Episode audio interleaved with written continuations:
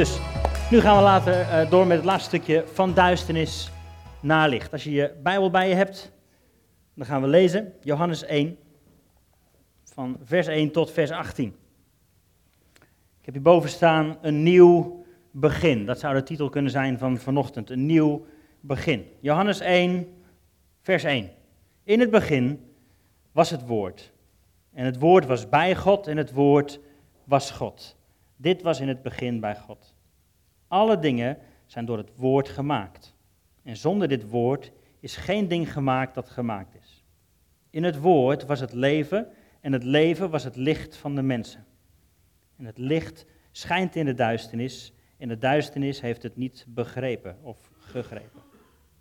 Er was een mens door God uitgezonden. Zijn naam was Johannes. Dit gaat over Johannes de Doper. Hij kwam tot een getuigenis om van het licht te getuigen, opdat alle door hem geloven zouden. Hij was zelf het licht niet, maar hij was gezonden om van het licht te getuigen. Dit was het waarachtige licht dat in de wereld komt en ieder mens verlicht. Hij was in de wereld en de wereld is door hem ontstaan, maar de wereld heeft hem niet gekend. Hij kwam tot het zijne, maar de zijne hebben hem niet aangenomen. Maar alle die hem aangenomen hebben, hun heeft hij macht gegeven kinderen van God te worden namelijk die in zijn naam geloven. Die niet uit bloed, niet uit de wil van vlees of uit de wil van de man, maar uit God geboren zijn. En het woord is vlees geworden en heeft onder ons gewoond. En we hebben zijn heerlijkheid gezien. Een heerlijkheid als van de enige geborene van de Vader, vol van genade en waarheid. Johannes getuigt van hem en heeft geroepen, hij was het van wie ik zei, die na mij komt is voor mij geworden, want hij was er eerder dan ik. Maar uit zijn volheid hebben wij alle ontvangen genade op genade. Want de wet is door Mozes gegeven, de genade en waarheid zijn er door Jezus Christus gekomen. Niemand heeft ooit God gezien. De enige geboren zoon die in de schoot van de Vader is, die heeft hem ons verklaard. Even tot hier. Zo samen bidden.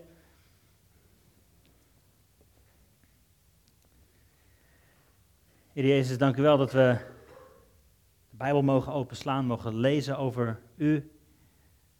Dank u wel dat u uw licht wilt schijnen. Niet alleen toen, niet alleen eenmalig, maar ook nu. Net als wat we zongen, uw opstandingskracht was niet alleen voor toen, maar ook voor nu. En ik wil bidden dat dat wat dood is in ons leven, dat het tot leven komt. Dat dat wat duister is in ons leven, dat daar licht op geschenen wordt en dat er weer licht komt en weer leven komt. Dank u wel dat u nog steeds dezelfde God bent, een God van wonderen. Heer, u bent welkom om vandaag wonderen in ons hart te doen, in ons midden te doen. Dank u wel voor de verhalen die we net hoorden over wonderen op straat. Fantastisch dat u dat doet en nog steeds doet en wilt doen. Maar ook doe vandaag een wonder in ons leven. In Jezus' naam. Amen. Amen. Yes. Een nieuw begin. Volgende week trouwens hebben we, en die week daarna, hebben we twee keer een dienst achter elkaar. Dat noemen we vijf keer vijf. hebben we eerder gehad, hè? Vijf mensen die vijf minuten iets vertellen over wat is er in mijn leven van duisternis naar licht veranderd. Gaaf toch? Vijf mensen die iets persoonlijks vertellen. Dit was in mijn leven dood, maar het is weer levend geworden. Dit was duisternis, maar er is licht in die situatie gekomen. Dus gaaf om, zeker in aanloop naar kerst, ook mensen mee te nemen, te luisteren naar wat gebeurt er nou in levens van mensen. Niet alleen maar in je hoofd, maar wat gebeurt er in het leven van mensen. Dus dat doen we twee weken achter elkaar. Daarna is het kerst, dan is het oud en nieuw. Dan beginnen we 7 januari met een nieuw thema, een nieuwe visie, een nieuw, nieuw woord, geloof ik, wat, wat God gesproken heeft. Ook leuk in, in, januari, dus meer persoonlijk. In januari ga ik naar Denemarken, hopelijk samen met Heidi. We zoeken nog oppas voor een paar dagen, dus als iemand vrij heeft. Het zou super zijn als we samen kunnen gaan. We hebben daar ooit gewoond, tien jaar geleden. Denemarken, tien, elf jaar geleden ondertussen alweer. We hebben bijbelschool gedaan. Dus hebben gevraagd, joh, kom eens langs en vertel eens iets over kerk zijn? Hoe, hoe doen jullie dat? Wat, wat voor ideeën heb je erbij? We gaan daar weer les geven een paar dagen. En we hebben het ooit één keer eerder gedaan. Dat we met z'n tweetjes, toen we daar woonden, hebben we gepraat. Dat werd ons gevraagd over uh, premarital uh, seks. Daar ging het over. Over wat, wat doe je nou voordat je getrouwd bent met je, met je relatie? En hoe zit dat met seksualiteit? En hoe, hoe doe je dat voordat je getrouwd bent? We zaten daar in een bijbelschool vol met hormonen. Wij waren een van de weinige getrouwde stellen. Dus wij mochten, maar de rest mocht niet. En, uh, zij, zij, nou, de vraag was heel letterlijk van, joh, er zitten hier zoveel gasten, hè? dat waren allemaal al 19, 20-jarigen, vol met, wat ik zei, hormonen. Vol van God, maar ook vol van zichzelf en vol van de andere seksen. Dus ze hadden ons gevraagd van, joh, wil je hier iets over vertellen? Hoe hebben jullie dat jullie gedaan in, je leven? Voordat je getrouwd was, hoe heb je dat vormgegeven? Dus we hebben die, uh, die serie hebben we toen uh, The Naked Truth genoemd, de naakte waarheid. We hebben haar verteld hoe, hoe wij erin stonden, wat we geleerd hebben, hoe we dat aangepakt hebben, wat er goed ging, wat er niet goed ging, enzovoort. Leuk om te doen, maar binnenkort mogen we weer. Dan gaan we het niet over seks hebben, maar over een ander onderwerp. Maar nu we toch op dat thema zitten, een ander bedgeheim van mij met name, is dat ik het moeilijk vind om naar bed te gaan en moeilijk om op te staan. Herkenbaar of niet? S'avonds, onze avonden worden wat korter. Hè? We hebben een paar tieners thuis, dus de avonden, je eigen tijd wordt wat korter. De half tien, tien uur, half elf, voordat je denkt, nou, ga naar boven. Dan kunnen wij nog even rustig zitten, even eigen tijd. En dan zit je gezellig, zeker nu, open haartje aan, lekker warm, soms een wijntje erbij. En dan denk je, ah oh ja, moet nu naar bed, want morgen is het weer vroeg. En die, die overgangstijd van lekker warm voor de open haard naar dat koude nest in, want boven is het wel koud, dat is niet fijn. Maar andersom natuurlijk ook, want dan lig je eindelijk in bed en is het lekker warm en dan de volgende ochtend gaat die wekker. ja, nee, daarbuiten is het koud, hier is het nu lekker warm. En daar moet ik al mijn dingen, hier hoef ik nog even niks. Die overgangstijd is niet altijd makkelijk. Een half uurtje eerder, ja. ja, maakt zij het bed vast warm. Ja, ja, ja. Ja, dat is een idee misschien. zij is wel altijd een kacheltje, dat klopt. Is wel een kacheltje.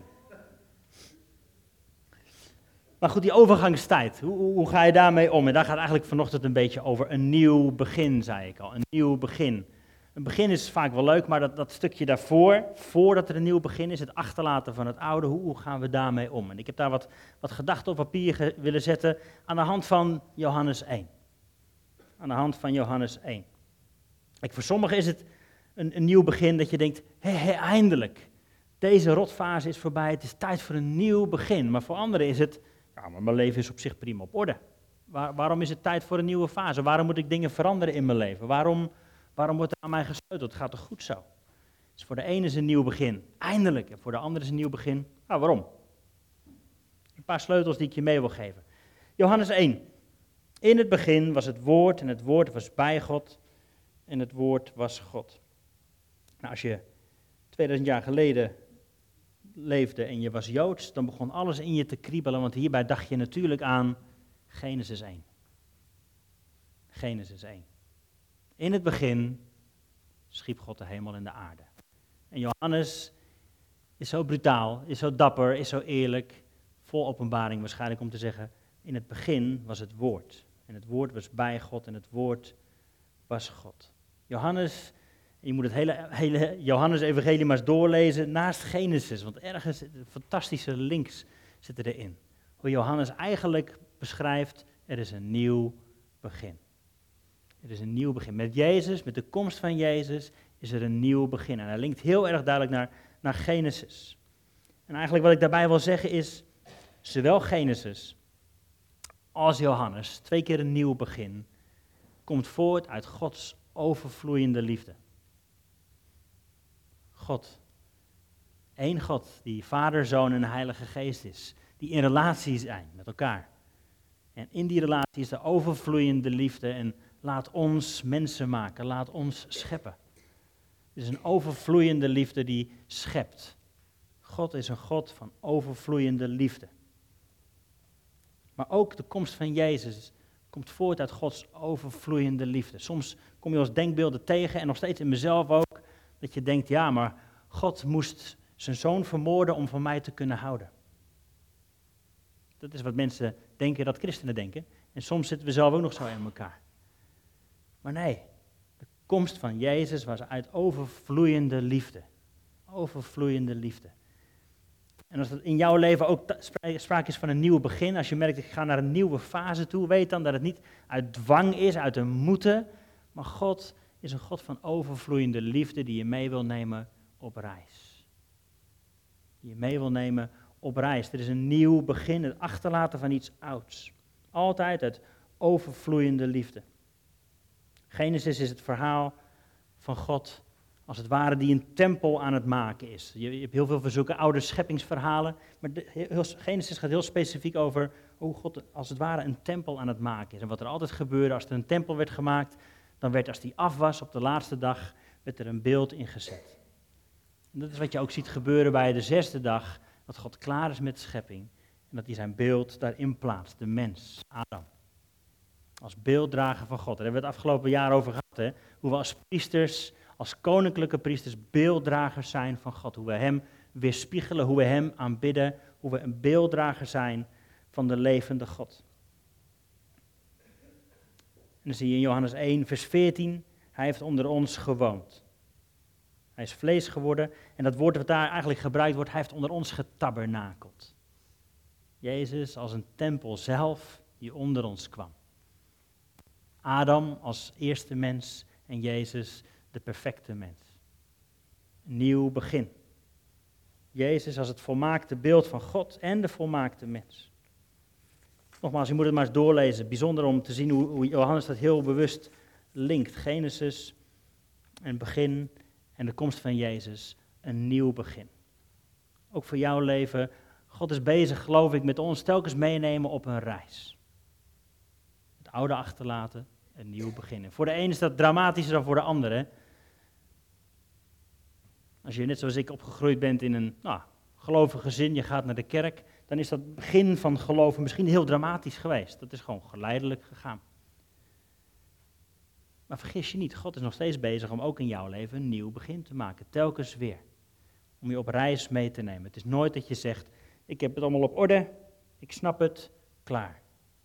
Ook voor jou, God is telkens bezig met een nieuw begin. En neemt je mee van heerlijkheid naar heerlijkheid dit eerste stapje voor ons, dit gebouwtje, een, een kantoortje, een, een plek om te zijn, is een eerste stapje.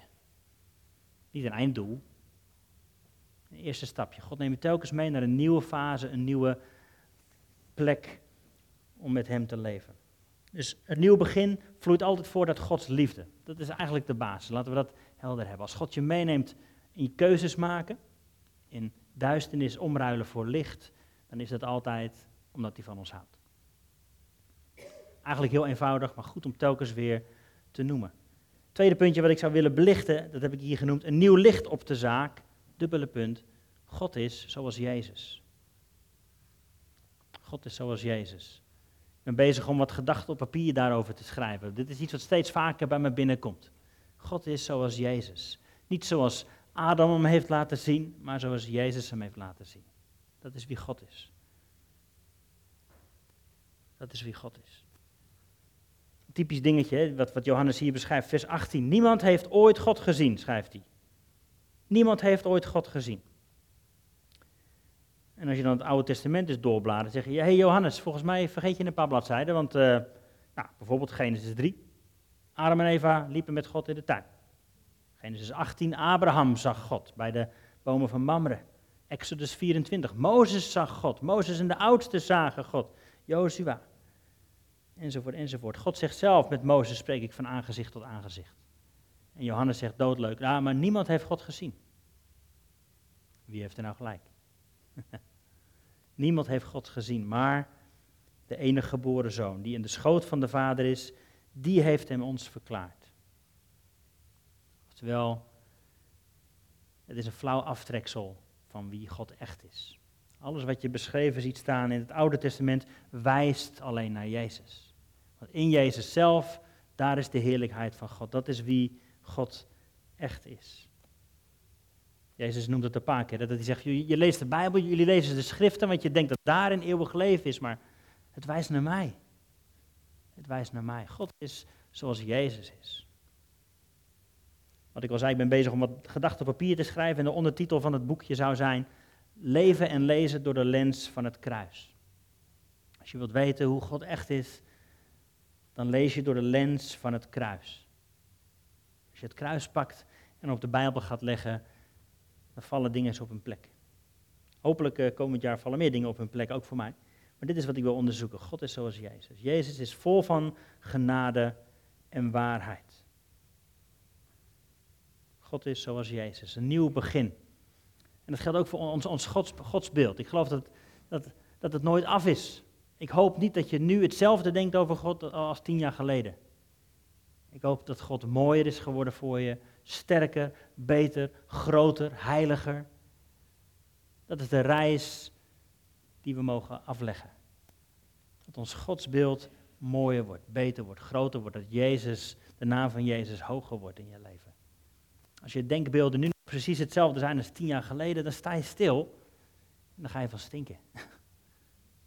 Jezus nam ook zijn discipelen mee op reis.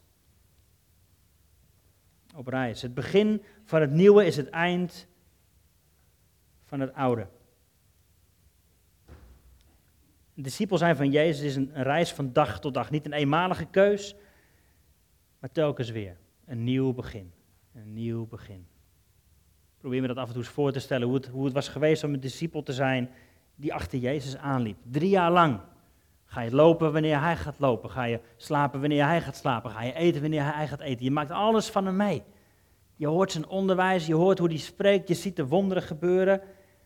En dan na een poos denk je, oh, zo werkt het. Zo zit het ongeveer in elkaar. En dan komen ze bij een dorpje aan die, die Jezus niet wil ontvangen. En dan zeggen de zonen des donders, Jacobus en Johannes, Jezus, zullen we vuur uit de hemel laten vallen op die gasten?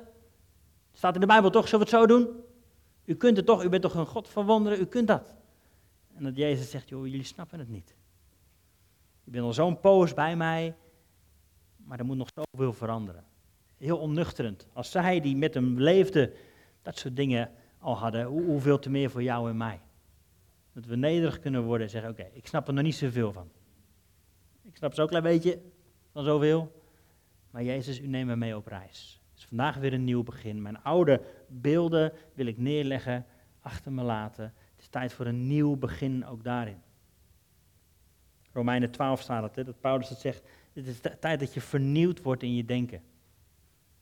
Dat we vernieuwd worden in ons denken. We zitten midden in deze wereld. Waarin het haantje de voorste is. Waarin het kiezen voor jezelf is. Wat what's in it for me? Hoe word ik er beter van? En dat Jezus dat helemaal wil omdraaien. En eigenlijk moeten we gaan kijken naar. Pas mijn denken in zijn denken. Wat is gewoon? Wat is gewoon? Wat is het normale leven voor een christen? En dan zouden we eigenlijk telkens weer terug moeten komen bij Matthäus 5. Bij de bergreden. Bij bewijzen van spreken dat Jezus daar vertelt, dit, dit is hoe het werkt in het koninkrijk. Als je nederig bent, dan ben je zalig. Als je, als je treurt, dan ben je zalig. Dat hij het leven totaal op zijn kop zet voor ons. Dit is niet hoe het normaal gesproken werkt in deze wereld. Matthäus 5. Dus bijpakken. Zalig de zachtmoedigen bijvoorbeeld.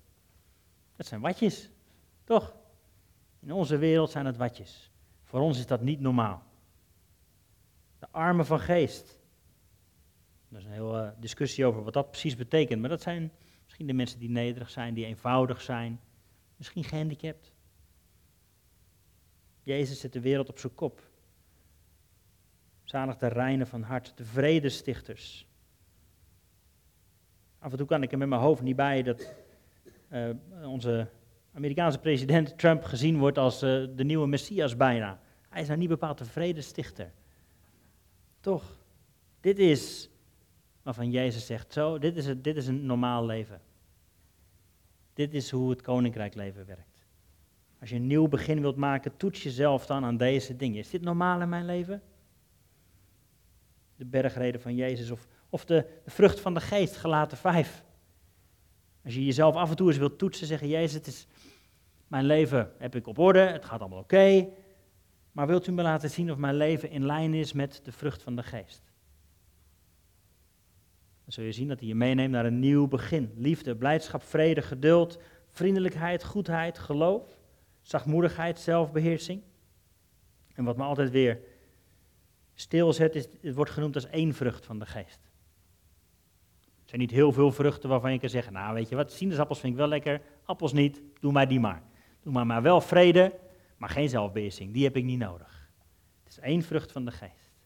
Dit is het karakter van Jezus. En hij wil ons meenemen op reis, zodat ook dit ons karakter wordt.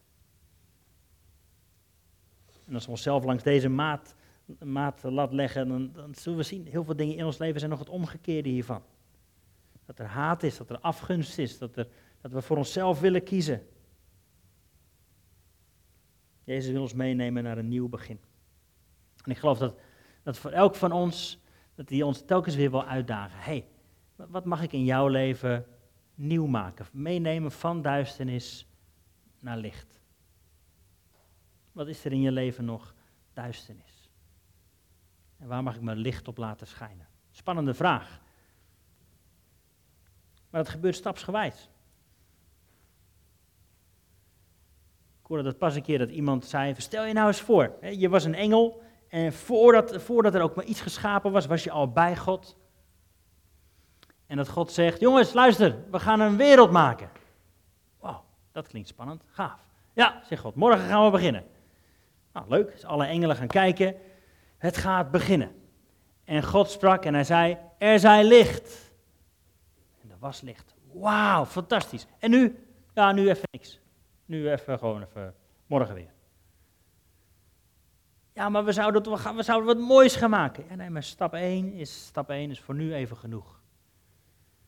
En soms hebben we in onszelf zo'n zo'n haast dat we denken, alles moet in één keer helemaal anders. Alles moet in één keer helemaal, al het oude is voorbij, zie je, het is alles nieuw in mij. Ken dat liedje van vroeger?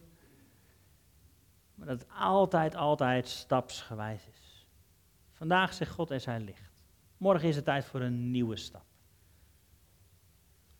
Maar wel telkens een nieuwe stap. Wat, wat is er in jouw leven nog duisternis? Het is niet per se om je schuld aan te praten. Sommige dingen zijn ons ook overkomen. Ik heb wel eens vaker verteld, ik ben opgegroeid in een gebroken gezin, ouders gescheiden, moeder twee keer gescheiden. En dat ik mezelf ook nu nog steeds, steeds ontdek, van ja, maar de manier waarop ik nu reageer, komt eigenlijk voort uit die pijn. Dat ik zelf de man thuis moest zijn, niks, niks fout wilde doen, nooit een beetje, onzekerheid daarin nog steeds merk, ja, maar er zit, daar zit nog een stukje duisternis. Dat bedoel ik met duisternis. Niet per se zonde die je doet, maar dat wat je ervaart wat niet in lijn is met Gods waarheid. Die zegt, ik hou van je. Je mag er zijn. Ik ben voor je. En die last hoef je niet meer te dragen. Ook daarin mag ik verhuizen van duisternis naar licht. Ik weet niet wat er in jouw leven nog duisternis is. Maar mag hij je meenemen op reis en stapsgewijs zeggen, dat stukje in je leven, mag, mag ik dat veranderen? Die, die onzekerheid of misschien mag, mag ik de zeggenschap hebben over je financiën? Mag, mag ik zeggenschap hebben over hoe je je tijd indeelt? Want dat stukje is nog niet in het licht. Het is er tijd voor. De manier waarop je in deze relatie staat, mag ik dat van duisternis naar licht verplaatsen? En doet dat pijn? Ja, dat doet pijn. Is het makkelijk? Niet altijd. Sommige dingen moeten sterven. Sommige dingen zijn lasten die zo vergroeid zijn met ons, dat we denken, oh maar zo ben ik nou eenmaal. Je dat was gezegd? je hebt het één keer gezegd tegen Heidi. Ja, zo ben ik nou eenmaal. En nooit meer gezegd. Slechte. Nooit doen. Nooit doen. Zo ben ik nou eenmaal. Zo, kun je erin zitten? Ja, met mij wordt het toch niet beter. Dat God zegt, maar laat, laat er licht komen in die situatie. De manier waarop je je nu voelt, mag licht schijnen. De manier waarop je je nu gedraagt, dat je je terugtrekt in je eigen wereldje, dat je denkt, ja, maar ik heb het nu niet goed gedaan, niemand hoeft dit te zien. Laat er licht zijn in die duisternis. God wil je meenemen op reis. Ik geloof dat ook, ook voor Connect Kerk, maar ook voor zoals we hier zitten, uh, voor heel veel van ons is het tijd voor zo'n nieuw begin. Pas was hier, hè, Impact, dat Mark die deelde daar iets over, over transitie. Zoveel mensen gesproken die, die zeiden, ja, maar die was voor mij. Ja, ik zit inderdaad in zo'n tijd van transitie, van, van overgaan van, van de ene periode naar, naar de andere periode. En, en dat schuurt en dat kraakt en dat wringt. Maar dat is ook genade, want God neemt ons mee van het oude naar het nieuwe. Al lachen wat Alfons net beschreef over, heb je gebeden voor iemand met krukken en dan is er genezing. Maar ja, dan heb je nog wel die kruk in je handen. Eh, hoe, hoe ga je daar dan mee om? Is dat dan deel van je identiteit geworden? of durven ze weg te gooien?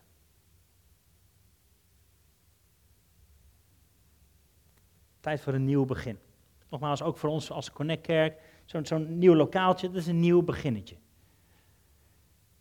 We hebben tijd bezig geweest om een, nieuwe visie te verwoorden. Waar geloven we in? Waar gaan we voor? Wat zien we voor ons? Als we kijken naar Connect Kerk, wat zien we? Als we kijken met de ogen van God, wat zien we dan? Het is een nieuw begin. Dat betekent ook dat we oude dingetjes achter ons gaan laten. En ik weet niet wat jouw situatie nu is, of waarin God zegt, hé, hey, maar dat, dat stukje, mag ik daar iets nieuws beginnen? Niet in één keer alles overboord te gooien, maar dit stukje. Dag 1. Ik wil licht spreken in jouw duisternis. Zullen we gaan staan? Zou ik graag daar samen tijd voor nemen om te bidden, om over stil te zijn.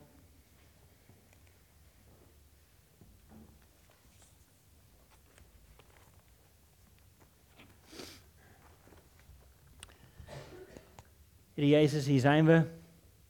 En we willen vragen of u licht wilt schijnen in ons leven. En voor, voor een ieder van ons, als we hier staan, is dat op een andere plek nu nodig, wenselijk, goed. Het is tijd. we hebben uw licht nodig. En dank u, Jezus, dat, dat we zien dat u van ons houdt en dat u daarom gekomen bent. En dat u van ons houdt en dat u daarom nu iets wilt veranderen in ons leven. Niet omdat we bang hoeven te zijn voor een straf of bang hoeven te zijn voor wraak of voor ik veel wat, maar dat we het mogen omarmen en zeggen dank u wel voor liefde. Je wilt u uw licht schijnen op dit moment. En Heilige Geest, ik wil bidden dat u tot ons spreekt. Ook nu. Heer, u kent ons beter dan wij onszelf kennen. U heeft ons gemaakt. U was er altijd bij, waar we ook waren, wat we hebben meegemaakt. Dank u wel dat u duisternis wilt veranderen in licht. Fantastische belofte dat er staat. De duisternis heeft het niet gegrepen. Kan het niet vasthouden, kan het niet tegenhouden. En ook het werk wat u in ons begonnen bent, de duisternis kan het niet tegenhouden. Je wilt uw licht schijnen. Over relaties, over financiën, over ons karakter, over onze keuzes. Wilt u uw licht schijnen.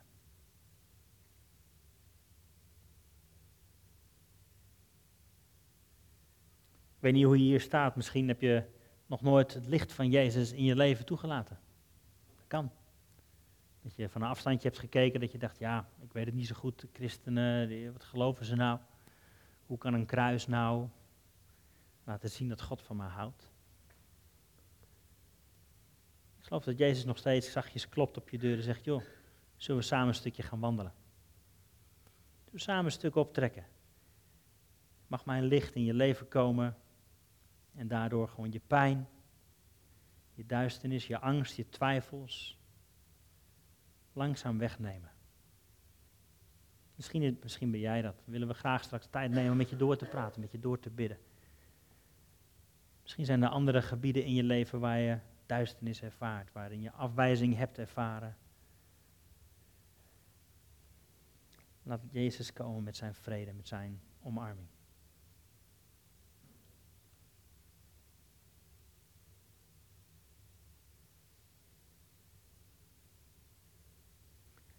Zo uh, tijd nemen om laatste lied te zingen. Daarna is er volop tijd en ruimte om hier te bidden met elkaar. Laat licht schijnen. Je hoeft niet bang te zijn voor licht. God is goed.